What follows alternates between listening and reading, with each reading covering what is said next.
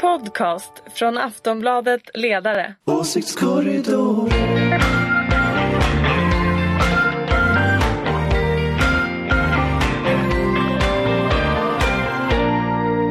Hej och välkomna till Åsiktskorridoren. Vi har fått en släng av en underbar sensommar, åtminstone i Stockholm, kanske hela landet. Eh, Men svensk politik är definitivt igång. Med oss idag för att prata om vad som händer är Ulrika Schenström. Hej hopp! Hon är moderat. Ja, Och från Aftonbladets oberoende socialdemokratiska ledarredaktion har vi Dan Svedin Hej. och Anders Lindberg. Hej. Och jag heter Anna Andersson. Det är måndagen den 26 augusti. Vi har precis ätit lunch när vi spelar in det här. allt komma. En av oss har druckit en Nocco också, så det här tar vi inte ansvar för hur det går. Mm. Det kan vara bra för lyssnarna att Någon veta. kommer inte dricka det igen. Okej, Aldrig Vad är Nocco mer. för något? Slags energidryck som ungdomar Som dricker. smakade Mycket koffein. riktigt, riktigt dåligt. Mm. Så att jag fortsätter med kaffe. Nocco? Jag, så här, Pucko har jag hört talas om. Men det är kanske Ja, inte det är en choklad. Okej, Ja, det vet jag. förlåt. Vi skulle inte fastna här. Vi ska ge oss gå vidare. Vi ska, vi ska, nu ska vi faktiskt prata politik på riktigt. Det har varit så mycket annat de senaste, de senaste åren känns det som. Vi ska prata om värnskatten. Eh, höstbudgeten ligger en knapp månad bort. Den 18 september presenteras den. Men i den så ligger en slopad värnskatt. Eh, för det var ett av Liberalernas krav för att gå med på januariöverenskommelsen. Eh, det beräknas minska statens inkomster med 6 miljarder kronor. Och gynnar förstås bara de som faktiskt idag betalar värnskatt. Det är ju ganska logiskt. Och det är de som idag tjänar mer än 703 000 kronor per år brutto. Är det här en bra politik Ulrika? Är det en bra sak att Ja, alltså man tog ju bort värnskatten en gång i tiden och så sa man att man skulle eller man införde värnskatten och sen så lovade man att man skulle ta bort den så fort det gick. Och det var har i mitten på väldigt- 90-talet. Ja, och nu har det hänt och det är väl jättebra. Eh, jag vet att Nya Moderaterna inte tyckte det men jag vet att Liberalerna och Centern tyckte att man skulle ta bort den så det är ju fantastiskt att de har fått igenom så väldigt mycket i, i eh, den socialdemokratiska budgeten. Men det var sossarna som införde den och lovade att ta bort den så jag är inte så... det De här- bara får leva upp till sitt löfte du menar du? Ja, Vad säger Daniel? Det gäller ju inte jätte- jättemycket pengar, men jag tycker signalen är ju ganska oanst- oanständig. När, Oh, så pass. O- ja, jag tar i direkt. Eh, när man ser liksom att kommuner håller på att gå i konkurs och polisen behöver pengar och försvaret behöver pengar och eh, lärarna behöver pengar, eller skolan behöver pengar. Eh, så att signalen, signalverkan av att man sänker skatten för de absolut rikaste, som är en av de stora ja, det kommer ju bli en av de stora satsningarna trots allt i den här första budgeten. Eh, tycker jag är jättedålig. Jättedålig. Mm. Anders Lindberg, håller du med? Jag tycker det är tragiskt alltihop. Tragiskt! Alltså, tragiskt! ja, men Oanständigt! Tragiskt! Nej, men jag tycker det är tragiskt alltihop att här har liksom, här har man då, eh, för några veckor sedan så gick Finansdepartementet ut och sa att det saknas 90 miljoner i, miljarder, Miljarder. Förlåt, i kommunerna på några års sikt.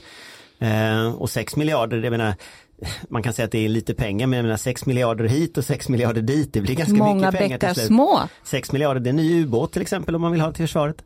Eh, vilket ju Moderaterna vill. Eh, men jag tycker ju problemet, det stora problemet här det är ju att vi har en, en situation där, där eh, klyftorna ökar. Framförallt till, till de allra rikastes fördel.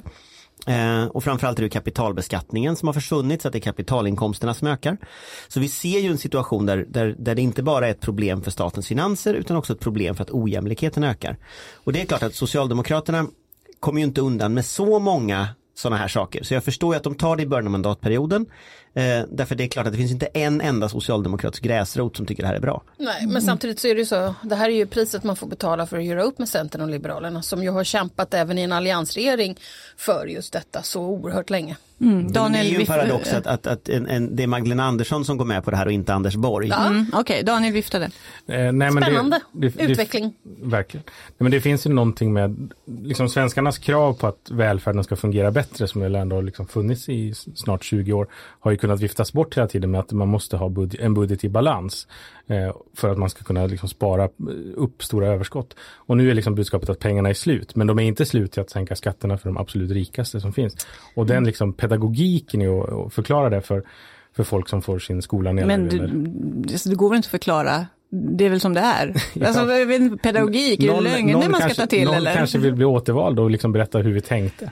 Men det är oerhört spännande att se då hur, hur väljare till Socialdemokraterna som eh, Eh, jag förstår eh, definitivt inte är nöjda med den här situationen men hur ska det gå då för de här som är höginkomsttagare, till exempel i någon av våra storstadsregioner och som eh, är borgerliga väljare, kanske till och med moderater, som helt plötsligt genom en socialdemokratisk regering får en politik som de själva många gånger har velat ha.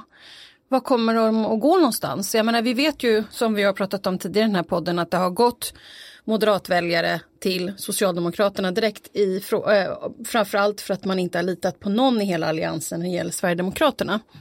Så att man har liksom stödröstat på sossarna. Strageborgarna. Strage, exakt. Mm. Kommer de nu helt enkelt bli väldigt engagerade Socialdemokraterna. Tycker de toppenutväxling? Ja men alltså de tycker att det här är ju, det, det, du vet inga Sverigedemokrater, bort med värnskatten, förbättrade 3.12-regler. Jag menar stora men det, lägenheter. Det, det, kommer ju att bli. Det, Ni kommer ju få ett helt pack med massa sådana här överklassmoderater som helt enkelt kommer att vara jättelyckliga. Hur ska ni behålla dem? Vi, vi, vi har redan dem. För att titta, titta, tittar, på, tittar, vi på, tittar vi på våra läsarsiffror. Ja, men tittar vi på våra läsarsiffror på, på Aftonbladets ledarsida så är det väldigt många moderater som läser oss. Säkert för liksom men rage-läser det. Jag tror, men det är väldigt många som gör det. Men jag, jag, tänker att det finns ju ett dilemma för Moderaterna här. Att det är ju fullkomligt, för den som vill ha sänkt värnskatt så är det ju helt bortkastat att rösta på Moderaterna. Ja. För det får du ju aldrig igenom. Eh, däremot så, så, får du ju igenom det med Stefan Löfven. Så det, det sker ju någon slags kortslutning här i liksom de högre echelongerna i svensk politik. Ja men det är väldigt det spännande faktiskt. Men om man, om man tänker, eh, Ulrika du sa så här att det här, man har ju sagt hela tiden att man skulle ta bort värnskatten ja. och så gör man det just nu. Många menar att vi står inför liksom en, en skakigare ekonomi. Är det inte ja. olycklig timing? Ja, alltså jag vet inte hur eh, Finansdepartementet eh, funderar. Jag menar, du säger att det var konstigt att det var Magdalena Andersson som gjorde det här, inte Anders Borg. Jag menar, det kan ju vara så att Anders Borg helt enkelt tog lite mer ansvar för ekonomin än, än, än bara för sitt samarbete. Så att Shots säga. fired, menar, man säga där. Man kan säga så här, Anders Borg kanske bråkade väldigt mycket med de andra partierna när det gällde just värnskatten och fick ta väldigt mycket skit internt för att han inte ville liksom eh, jag, ta bort den. Jag, och... tror ju att orsaken egentligen är en annan och det, det, är att den här aktualiserades under den första mandatperioden när Alliansen hade egen majoritet. Och i den konstellationen styrde Moderaterna allting. Eh, Socialdemokraterna... Det gjorde faktiskt Moderaterna hela tiden i hela alliansregeringen. Jag skojar! De, den sista mandatperioden var det inte någon som styrde för det gick ju liksom, det, det var inte så mycket nya idéer alls eller reformer. Men dilemmat nu det är att eh, den här regeringen har ju inte i närheten av det. Vilket gör att den är ju väldigt sårbar för de här småpartiernas eh, invändningar. Så att jag föreställer mig att en, en förhandling som Anders Borg hade med de här partierna i regeringskansliet, där hade han en mycket starkare ställning än Magdalena Andersson kommer, kommer att ha. Var mer en informationsträff än en förhandling? Nej, Borg, alltså det, det, det, är, det är ändå röster som räknas och Magdalena Andersson sitter i ett läge, hon måste först vinna sitt eget parti, för det är ju ingen där som tycker det här. Så ska hon vinna Miljöpartiet, sen ska de tillsammans vinna C och L och sen ska den här geggan tillsammans inte göra Vänsterpartiet så arga att de flippar över. Så det, det, är en, det är en lite Men det var säkert inte enkelt heller att vara Anders Borg som både upp, alla överklassmoderater som var upprörda på just den här frågan och sen alla andra allianspartier. Så att jag tror i och för sig att som du så inledde med, med din kommentar Daniel, det här med att det är väldigt mycket en symbol. Det är inte jättemycket pengar, det är inte jättemånga som kommer få ta del av det här, men det är en symbol och jag tror att den symbolen var just väldigt stor för Moderaterna, att man inte ville ta bort den. Men det är jättemycket pengar. Sen, sen, ja, alltså, självklart, Daniel. mellan vänner är det alltid 6 miljarder väldigt mycket pengar. Verkligen, mellan vänner. Sen kan man säga att stämningen kanske kommer kräva att Eh, att det återinförs en ny eh, värnskatt. För att värnskatten kanske behövs till att finansiera försvaret till exempel. Det kanske behövs en värnskatt för att finansiera skolan. Det kanske behövs en värnskatt för att eh, finansiera stora statsbidrag till kommunerna. Så, att, Så vi kanske inte den, har sett det här, sista nej, av värnskatten? det kommer en vårbudget, det kommer en höstbudget. Mm. Vi får se vad som Men man händer. har ju pratat också om att, liksom, att det skulle behövas en, en, en riktigt stor skattereform. Skulle, det alltså, står ju i avtalet ja. att det ska bli en. Så att... Men, och, men hur, varför kunde man inte liksom ha sparat och gjort alla förändringar då? Finns det, kommer det bli en stor skattereform under den här mandatperioden? Nej. Alltså inte en införd men i så fall möjligen en utredd eller en uh, utredning som tittar på det eller en uh, Assa Lindbeck-kommission som är på riktigt med uh, som lägger fram förslag på hur man skulle kunna, jag var på ett seminarium, Ingmar Hansson efter att han hade dött hade man, hittade man ju en ny skattereform som han ritade på. Eh, Ingmar Hansson var ju professor i eh, nationalekonomi. Mm. Och, Vilket eh, legacy om den. Och, och, de hade ett eh, seminarium, GD för. Nationalekonomiska föreningen eh, hade ett seminarium som, om det där. Eh, jag säger inte att hans förslag kanske var, jag är inte en expert på det här, men det finns ju många som har tittat på hur man skulle kunna göra en ny skattereform. Så jag tror att det där kommer att komma upp möjligen som en utredning, eh, men jag menar den här mandatperioden kommer man inte hinna hinns inte med. tillsätta en ny Nej. utredning, eller en ny, En eh, ny reform. kommer inte genomföras. Nej. Problemet är ju att både liksom Annie Lööf och Jan Björklund när han var partiledare för Liberalerna uteslöt ju alla sorters förändringar på liksom, kapitalsidan och på ägandesidan eh, som skulle kunna ingå i så. Vi ska ha en, vi ska ha en eh, skattereform, men vi får absolut inte diskutera mm, fastighetsskatt och vi får absolut inte diskutera kapitalskatter. Eh, och har man liksom, då är som ingångsvärden, som man lite fint brukar säga, då är det ju meningslöst att ens ha den diskussionen. Men skattesystemet är ju idag helt eh, perforerat, så att det behövs ju. Men eh, politikerna och partierna som skulle vara inblandade i en sån är ju ointresserade av att liksom backa någonting. Samtidigt så sker det ju i världen nu en backlash mot liksom den borgerliga idén om att ojämlikhet är bra. Eh, och, och det ser vi ju liksom i, i, i eh, alltså ekonomisk, alltså överhuvudtaget i ekonomiska, ekonomiska tidskrifter, i liksom även traditionella högerkrafter som, som eh, Världsbanken och IMF och sådana pratar ju om ojämlikhet som ett av de största problemen. Davos handlar om det, alltså den typen av frågor. Det, jag tror att det kommer letas in i svensk debatt också. Och, och, och det är klart att, att då... Det finns i svensk debatt Nej men jag tänker säga. i det här lilla rummet där de sitter och förhandlar Ah, ja. också. Mm. Det finns i svensk debatt men inte i det lilla rummet när Magda sitter och förhandlar med de här eh, borgerliga partierna. Och det är klart att de kommer inte heller att kunna gå till nästa val med en liksom en skräckökad ojämlikhet. Alltså det, det, så, att, så att någonstans så tänker jag att de kanske ska få sina segrar nu. Eh, det blir lite skolpolitik, det blir lite, det är lite eh, värnskatt och, och sådär. Men sen måste de trots allt ta ansvar för Sverige i något som ser ut att bli en lågkonjunktur. Och då kommer, de, då kommer det säkert komma tillbaka idéer om, om det. Sen Men- finns men- ju skattereform i den här överenskommelsen. Så att någon slags skattereform blir det ju. Men hela den här diskussionen vi har haft den handlar ju mer om makt och inte om, eh, om eh, politik om jag ska riktigt där utan det handlar ju om att de vill ha kvar sina ar- samarbetspartier.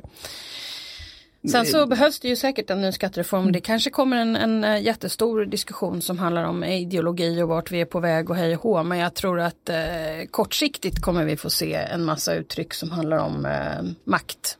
Tyckte det, var, tyckte det var intressant igår att titta på agendan när Nyamko Sabuni då fick frågor om hur lågkonjunkturen skulle påverka januariavtalet och där hon liksom pekade på att egentligen allting som sossarna och Miljöpartiet har fått måste nu få stryka på foten. Det är friåret. Händelsevis. exempel. Ja, fri, friåret måste bort och familjeveckan måste bort. Men allt annat, liksom, det, det borgerliga innehållet det, det får vi absolut inte röra. Och den, det, den liksom tonen och hållningen som man verkar ha från mittenpartierna mot Socialdemokraterna och Miljöpartiet, att ingenting det, går, vi, det finns liksom ingen, allt är färdigförhandlat från vår sida re- redan. Och ni måste liksom respektera allt vi gör. Ni får inte kritisera det och ni får inte diskutera, lyfta liksom frågor som handlar om fördelning. Det tycker jag är perverst. Man kan ana Men nu- spänningar här det under det här avtalet. Ja, det blir intressant. Och vad ovant det känns att prata om en sån här skattefråga tycker jag. Nu ska vi gå tillbaka vad lite. intressant det var med, på tal om det här som du sa nu med Nyamko. Sabuni. Nej, men det var så intressant, vilken slät figur. Alltså, jag tänkte att hon skulle, att det skulle, göra något så här, eh, jag menar, hon skulle göra något så här utspel eller någonting. Alltså, det var först, hon har, hon har liksom mött svenska folket nu två, två vändor sedan hon blev vald. Det var i talet i Almedalen, där föreslog hon ju det här eh, elvägar. Elvägar. Och igår så satt hon liksom bara och svarade på frågor, så här inövade svar. Det, det, jag hade väntat Men är att hon inte det, skulle... har vi inte sett det från många nya partiledare? De är väldigt stiffa men de i början och sen så brukar de... Ja, det jag brukar alltid komma Ja, lite sådär. Okej, Jag tycker de brukar vara väldigt försiktiga och talepunktiga men jag En kommer ihåg liten- Annie Lööf Och det är när hon var bara ny det- som bara- ju sen ja, verkligen fast det är släppte ganska länge sargen. sedan nu. Jo, jo, jo, jo men ja. En liten not man kan göra om Nyamko Sabuni är också att hon ställde in det traditionsenliga sommartalet som Liberalerna brukar hålla i Göteborg eller Marstrand. Eh, så att eh, det hölls inget sommartal från Men Liberalerna. tänk på att de har alltså inga pengar i det där partiet. De har inte ens råd att åka till Göteborg. Nej men alltså de har ju inte knappt råd att ha illa. stämma eller, eller Skriva ut ett tal. Ja, Okej, men nu, nu ska vi gå vidare. Eh, från budgetpolitik ska vi gå till välkända trakter, signalpolitik. Vi ska prata om tiggerifrågan. Eh, det är nu fyra kommuner i Sverige som har infört olika begränsningar för tiggare. Eh, enligt Ekot så kommer, är det åtminstone tio till som överväger. Eh, först ut i den här frågan var ju de här moderata frifräsarna i södra Sverige, i Skåne och Blekinge, Sölvesborg, Vellinge. Katrineholm har nu också infört och där styr S och M tillsammans och så Eskilstuna som ju är då en lite större stad och där S styr. Nu när S och M verkar gå ihop då runt den här frågan, kommer vi få ett nationellt tig tiggeriförbud i Sverige nu? Nej. Eh, nej. Anders, Nej. tror ni inte? Nej. Men vi kommer nog att få många fler lokala tror jag. Så här, jag tror att det där är som sagt en symbolfråga lokalt. Eh, det var ju en utredning som Martin Wolfridsson eh, ledde som kom fram till att det spelar ingen roll om du har ett förbud eller inte. Det kommer inte bli bättre eller sämre utan kanske bättre att eh, mm, jag tror han hade förslag på att man eh, skulle donera pengar till olika organisationer. skulle och sluta så. ge- Hur man som Man skulle sluta eh, enskild medborgare men- skulle men bete ge sig. till organisationer bakom istället. Och eh, jag, ja, alltså jag, jag, jag ser inte riktigt problemet här. Jag tror inte att det kommer bättre men jag tror att det kan finnas väljare Men många tror. kommunpolitiker ser ju problemet, hävdar i alla fall det, att det är oroligt, det skapar stress och oro Ja, bland alltså det medborgarna. som det mesta kanske skapar det är ju eh, kanske eh, till exempel handlarna, alltså Coop, eh, ICA. Eh, som har problem eh, med hur man ska förhålla sig till dem när de börjar ta sig in i, eh, i eh, eh, butiken. Den här typen av bosättningar är väl det man hör oftast om. Tidigare var de ju lite kåkstadsliknande och sen så förbjöd man ju det. Och nu sover vi folk i gatutunnlar och sådär lite mer oorganiserat. Och det tycker folk då kanske är jobbigt att behöva gå förbi på natten när det ligger människor och sover i tunnlar. Och det sägs också att ja, folk uträttar sina behov på, Ja. på eh, förskolegårdar och sånt där. Att det, det är klart att det finns, eh, om det, om det är så så är det klart att det finns ett, ett otrygg, en otrygghetsaspekt. Men det är det någonting som kräver nya förordningar eller lagar eller? Det borde ju gå. borde väl räcka det med borde vi vara förbjudet att bajsa på dagis ändå. Men, men, men med tanke på hur mycket, hur mycket annat som polisen måste göra så att, att då också ta hand om det här samtidigt, ja då måste vi lägga ännu mer pengar Precis. på polisen. Men det verkar ändå vara någonting som många kommunpolitiker ägnar ja, men jag tror att det är en symbolfråga rent kommunalt, eh, regionalt, lokalt. Det är ju en, jag är med i lite så här olika lokalgrupper på Facebook, både där jag kommer ifrån från början och där jag bor idag.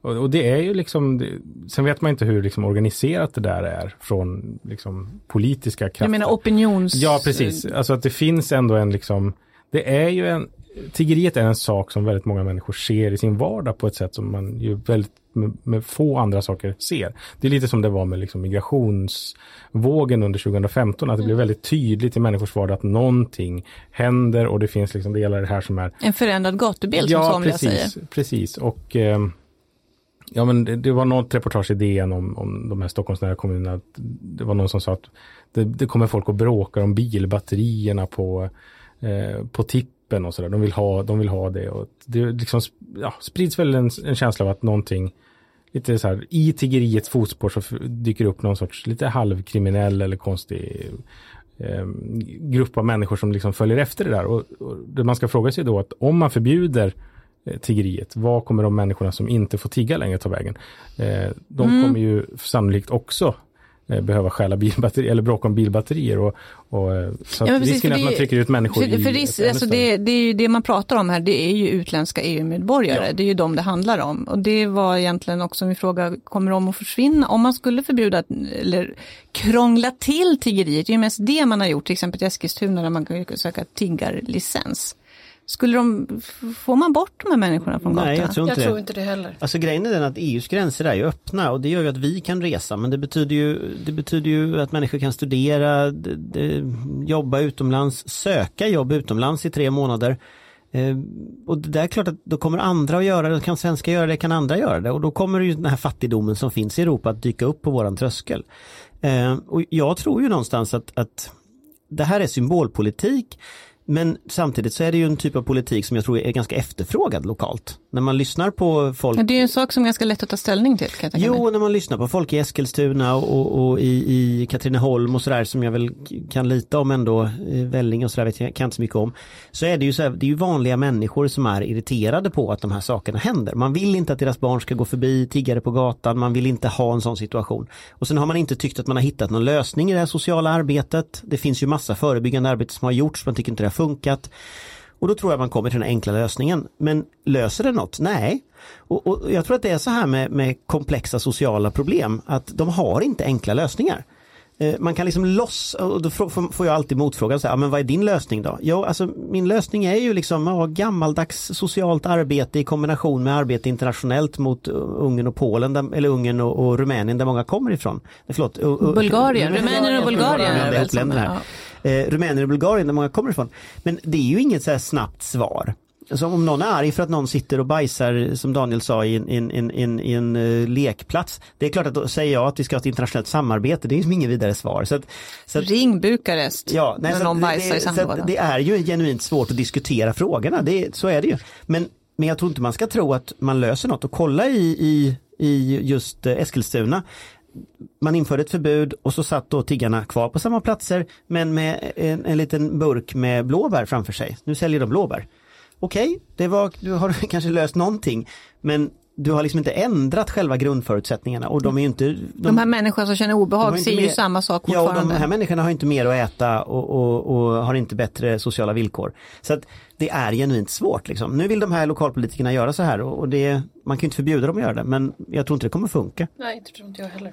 Ri- Risken blir väl ungefär det man påstår sig ha sett i Europa då, att de länder som infört ett förbud, och det är väl fyra, fem länder som har gjort eh, nationellt, att, att eh, det flyttar vidare. Så det är väl det liksom. Att Att man flyttar till ett annat land. Ja, precis. alltså. Och kommunpolitikerna kan väl, kan väl då argumentera för att vårat, eh, vårt uppdrag är att värna våra medborgare. Så vi struntar i om de flyttar till grannkommunen, sen blir det deras problem. Eh, men för Sverige, liksom, som, om man tycker att det är ett problem, så måste man ju ha någon sorts, då, då är det ju den långsiktigheten som Anders pratar om. Att, så här, vad, hur, hur löser vi det här på allvar? Eh, och det har ju ingen riktigt haft något svar på än. Sen är det ju ett problem om, om, om folk trängs ut i kriminalitet eller prostitution och så. Alltså det, det, det, det skulle ju skapa enorma problem på de här orterna. Eh, även om det bara är en fåtal som gör det så är det klart att det trasslar ju till det väldigt mycket och, och människor måste ju äta. Så att, att ta ifrån människor en legal försörjning så kommer ju människor skaffa sig en annan försörjning. Och, och det vet jag inte om de här kommunpolitikerna har tänkt på riktigt. Eller om, i Katrineholm kanske man tänker att då flyttar de till Nyköping eller liksom sådär. Men det, det är ju trots allt så att, att människor, människor är människor. Mm. Vad tror ni kommer hända då? Kommer vi vara, får vi se det här nu med, med kommuner som prövar olika varianter? För det är ju sagt, de har ju sett lite olika ut, vad jag förstått. Ja, men, Ja, nej, men det kommer vi säkert göra, men eh, jag tror fortfarande att det är mera utav en symbolfråga eh, fråga än att det är att jag tror att de själva tror att det egentligen kommer Men, att men, lösa men kan man vinna röster på det? Funkar det? Ja, nej men alltså jag tror att jag menar folk, vi, vi har ju inte någon här inne eh, växt upp med den gatubild som vi har idag. Eh, och det är klart att det finns, alla reagerar ju olika på sådana typer av gatubilder så att eh, det finns väl säkert många människor som är rädda, oroade och inte vet vad de ska ta, hur de ska hantera situationen. so- sossarna i Eskilstuna som är de som har på något sätt drivit det här. eh, Som, eh, I Vellinge så har väl Moderaterna alltid haft egen majoritet men sossarna i Eskilstuna skulle ju till kunna förlorat valet. Det gjorde de inte, de vann valet på det här. Samma kommunalråd fortfarande. Så att jag tror ju att det finns Det finns en väldig efterfrågan på nå- någonting som löser det. Och den som ko- lyckas fånga den där, jag har lösningen, den får många röster. Sen tror ju inte jag på lösningen. Men att förbud skulle lösa problemet, nationellt- det ja, tror jag nej. inte. Okej, vi har pratat budgetpolitik, vi har pratat symbolpolitik, nu går vi in på personfrågor. ja, förra nu veckans, äntligen. vi har så många nyanser här. Nej, men förra veckans stora grej, det var ju då att Hanif Bali, moderaten, hamnade i den metaforiska skottgluggen. Och jag säger metaforisk, för man kan inte vara tydlig nog när man pratar om det här. Han hamnade i den metaforiska skottgluggen efter att ha twittrat taskigt om Carl Bildt.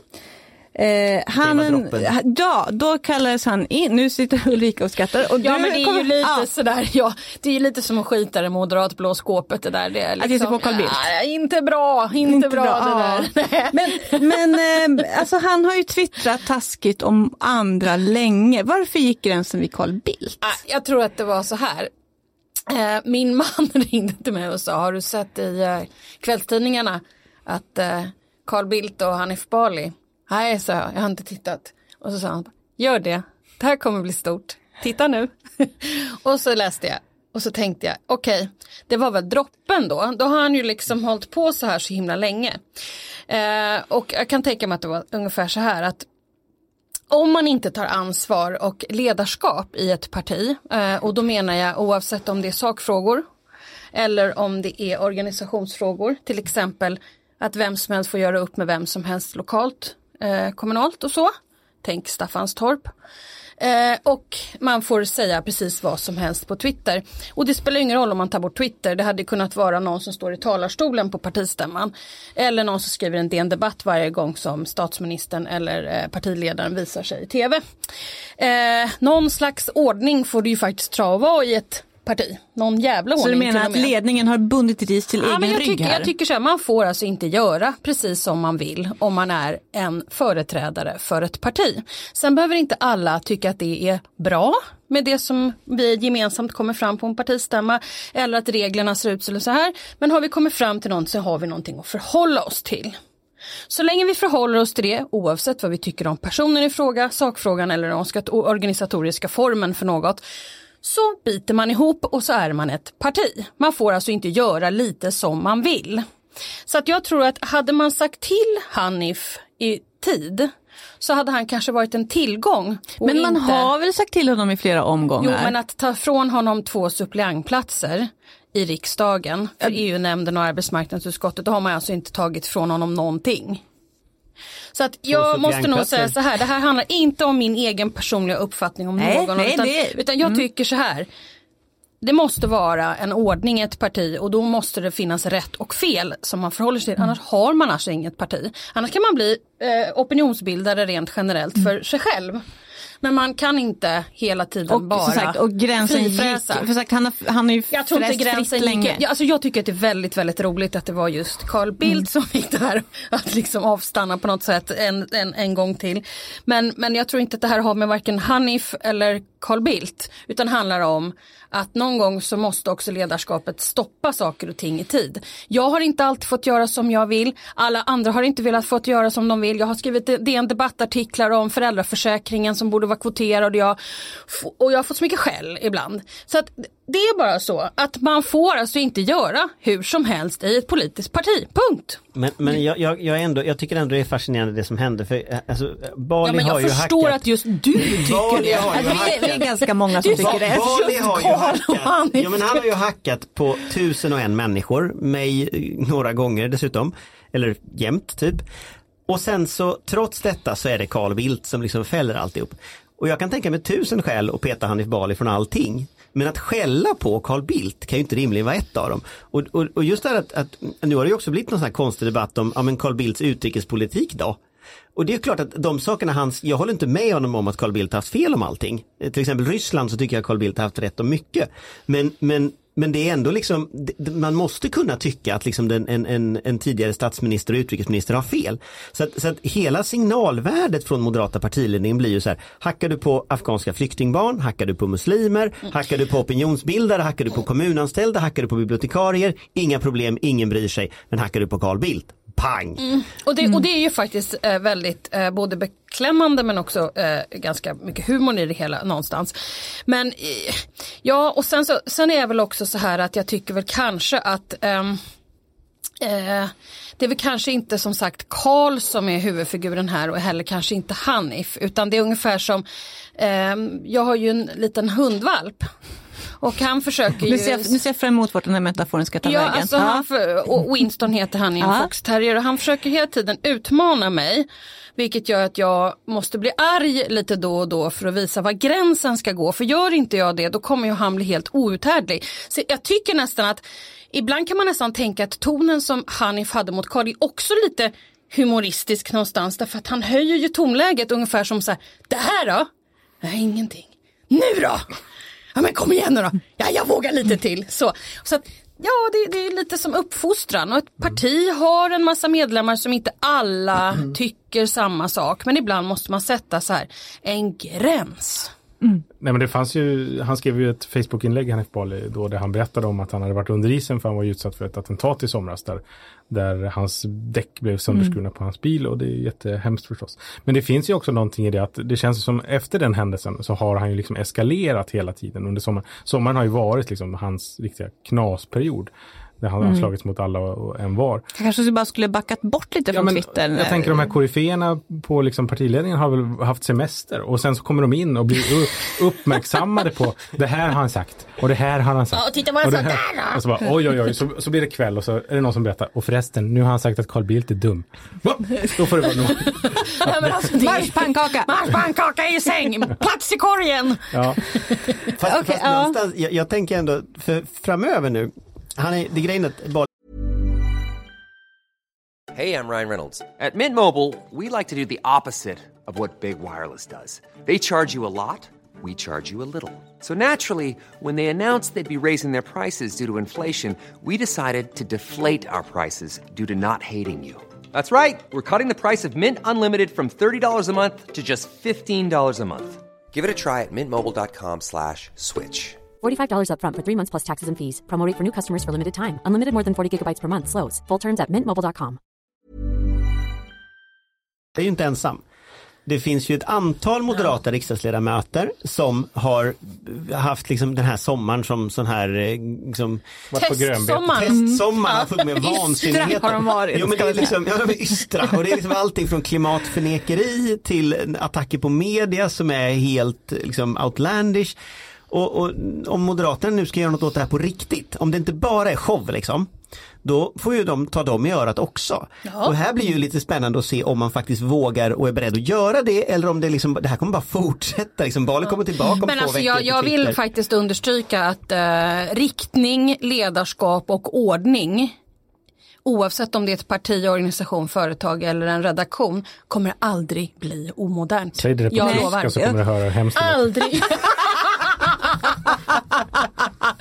Åh, vad roligt. Det var roligt. Du fick en poäng där. Ordnung muss sein. Ja, ni förstår precis Men vad jag Ulrika, det menar. du säger då, för men som säger, okej det har varit sommarsemester, det tror jag alla kan ha förståelse för. Men är det inte liksom ett, ett ganska kastbetyg du ger till Kristersson och Strömmers ledarskap so far? Nej men alltså det är ju inte lätt i det där partiet med tanke på hur det, eh, alltså vad man än gör så kommer ju en sida, alltså en sida kommer ju splitta och det är ju det här det handlar om. Så det är ju det ni ser hela tiden nu så att det är ju, ibland måste man ju bara våga men då kanske några andra blir förbannade så att det, det är hela tiden en, eh, tror jag, Okej, otroligt de har, svår du tror att de, de har balanserat här? Jag tror- svar, det där i den högre Ja, skolan. men allvarligt talat så är det ju en jättebalansgång. Men jag tycker ju att de borde våga sätta ner foten. Men jag tillhör ju då å andra sidan den, den mer liberala Med sidan. liberala När, när, när, när Hanif Bali liksom inte var, det han får kritik för ofta nu är ju liksom att det finns någon sorts SD-anstrykningar, liksom främlingsfientlig underton i det han säger. Men innan han, han gick åt det hållet så hade han ju också den här typen av sluggerstil.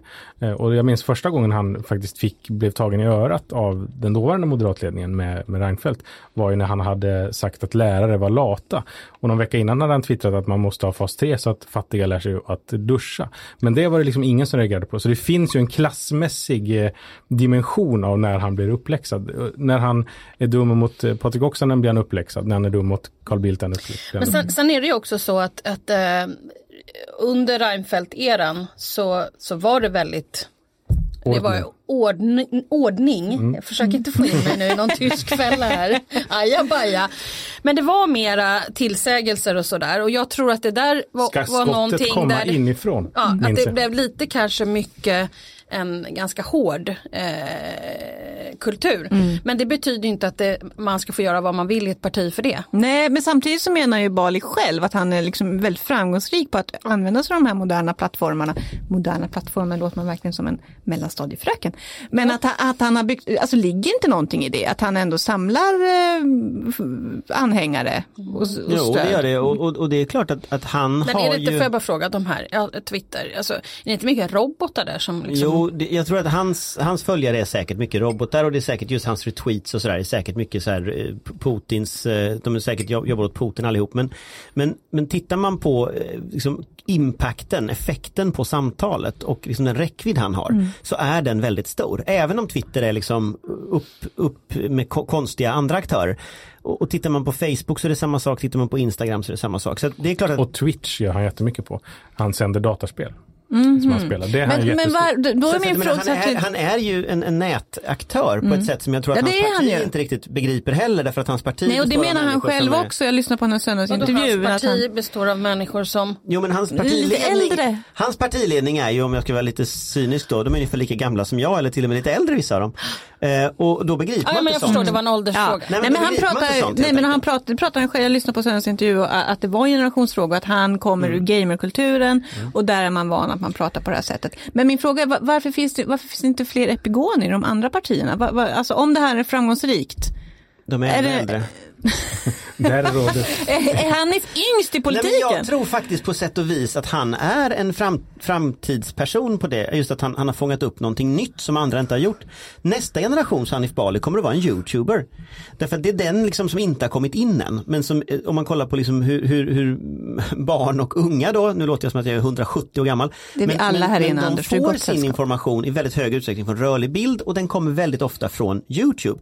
Det finns idag ingen framgångsrik YouTuber i svensk politik som är riksdagsledamot eller någonting sånt. Det kommer att komma. Hanif Bali är liksom den här gamerdelen av det. Men, men det kommer alltid vara så här att mönster i politiken utmanas av ny teknik och, och, och liksom förändrade, förändrade mediavanor som folk Men har. samtidigt, nu får man ju ändå säga, nu har han ju twittrat bort sig från sina formella uppdrag. Alltså han är naturligtvis kvar sin riksdagsplats, men som sagt han är inte längre suppleant i två utskott.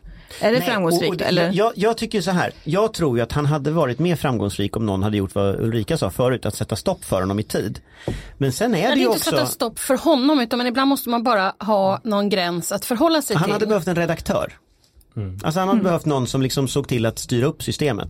Men sen är det nog så, jag tycker ändå som, som, som jag sa förut, det är inget problem att han hoppar på Bildt. Alltså han, han faller ju för någonting jättekonstigt. Alltså, däremot så hade, om, om Moderaterna hade kickat honom för att han hoppade på den här muslimska busschauffören som bad i somras till exempel. Det hade varit en helt annan grej. Men, men just att man, man, man sparkar ut honom för att han, han gör detta. Det är, Fast man har ju inte sparkat nej, men, ut förlåt, honom. Men han har förlorat ett antal uppdrag och det har blivit en reaktion så. Det är faktiskt suppleant. jättekonstigt. Plats. Ja, jag tycker det är lite beige, jag ser det på dig, jag kan knappt uttala. Suppleant. Ja. Men vad ska han göra med all tid nu? Är det någon som vet? Ja men det är just det som är så Ja, roligt, då kommer han ju twittra. ännu mer. Nej, men tror ni att han kommer tillbaka till Twitter? Han är ju inte där nu, ska vi säga. Eller väl, jag sist han jag kollade. lurkar omkring. Ja, det är klart han gör. Ubåtar som jag brukar säga. Jag tror att han kommer tillbaka eh, på no, i någon form men jag tror det kommer att ta en stund. Förra gången så tog det väl, tog, det faktiskt en ganska lång stund innan han kom tillbaka. Sitter han i riksdagen efter nästa val? Han verkar, Solna Moderaterna säger ju att han, man har ingen liksom anledning att ta, ut, ta bort honom från de kommunala uppdragen som, som han har.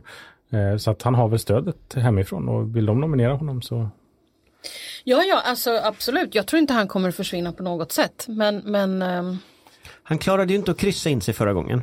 Eh, Det är ju delvis därför att Kristersson står högst upp på valsedeln men, men det är klart att jag menar, hade han haft ett eget mandat i den meningen att han var inkryssad då hade han haft en starkare ställning. Så jag skulle säga att jag tror juryn är ute. Sköter han sig de här åren då får han säkert sitta kvar. Eh, om han fortsätter i samma stil om ett år eller så då kommer det att ske någon sån här skandal lagom till nomineringsperioden nästa gång och då åker han ju ut. Så jag tror Då, att det, då faller han för långt ner på listan. Ja, jag tror att juryn är ute och kan han inte kryssa sig in själv så har han också en svagare liksom, position. Ja, det kändes ju som att det fanns någon sån här story som folk ville ha. Liksom. Man har letat på, Åkesson har fått kommentera att ja, men han tycker ofta bra saker.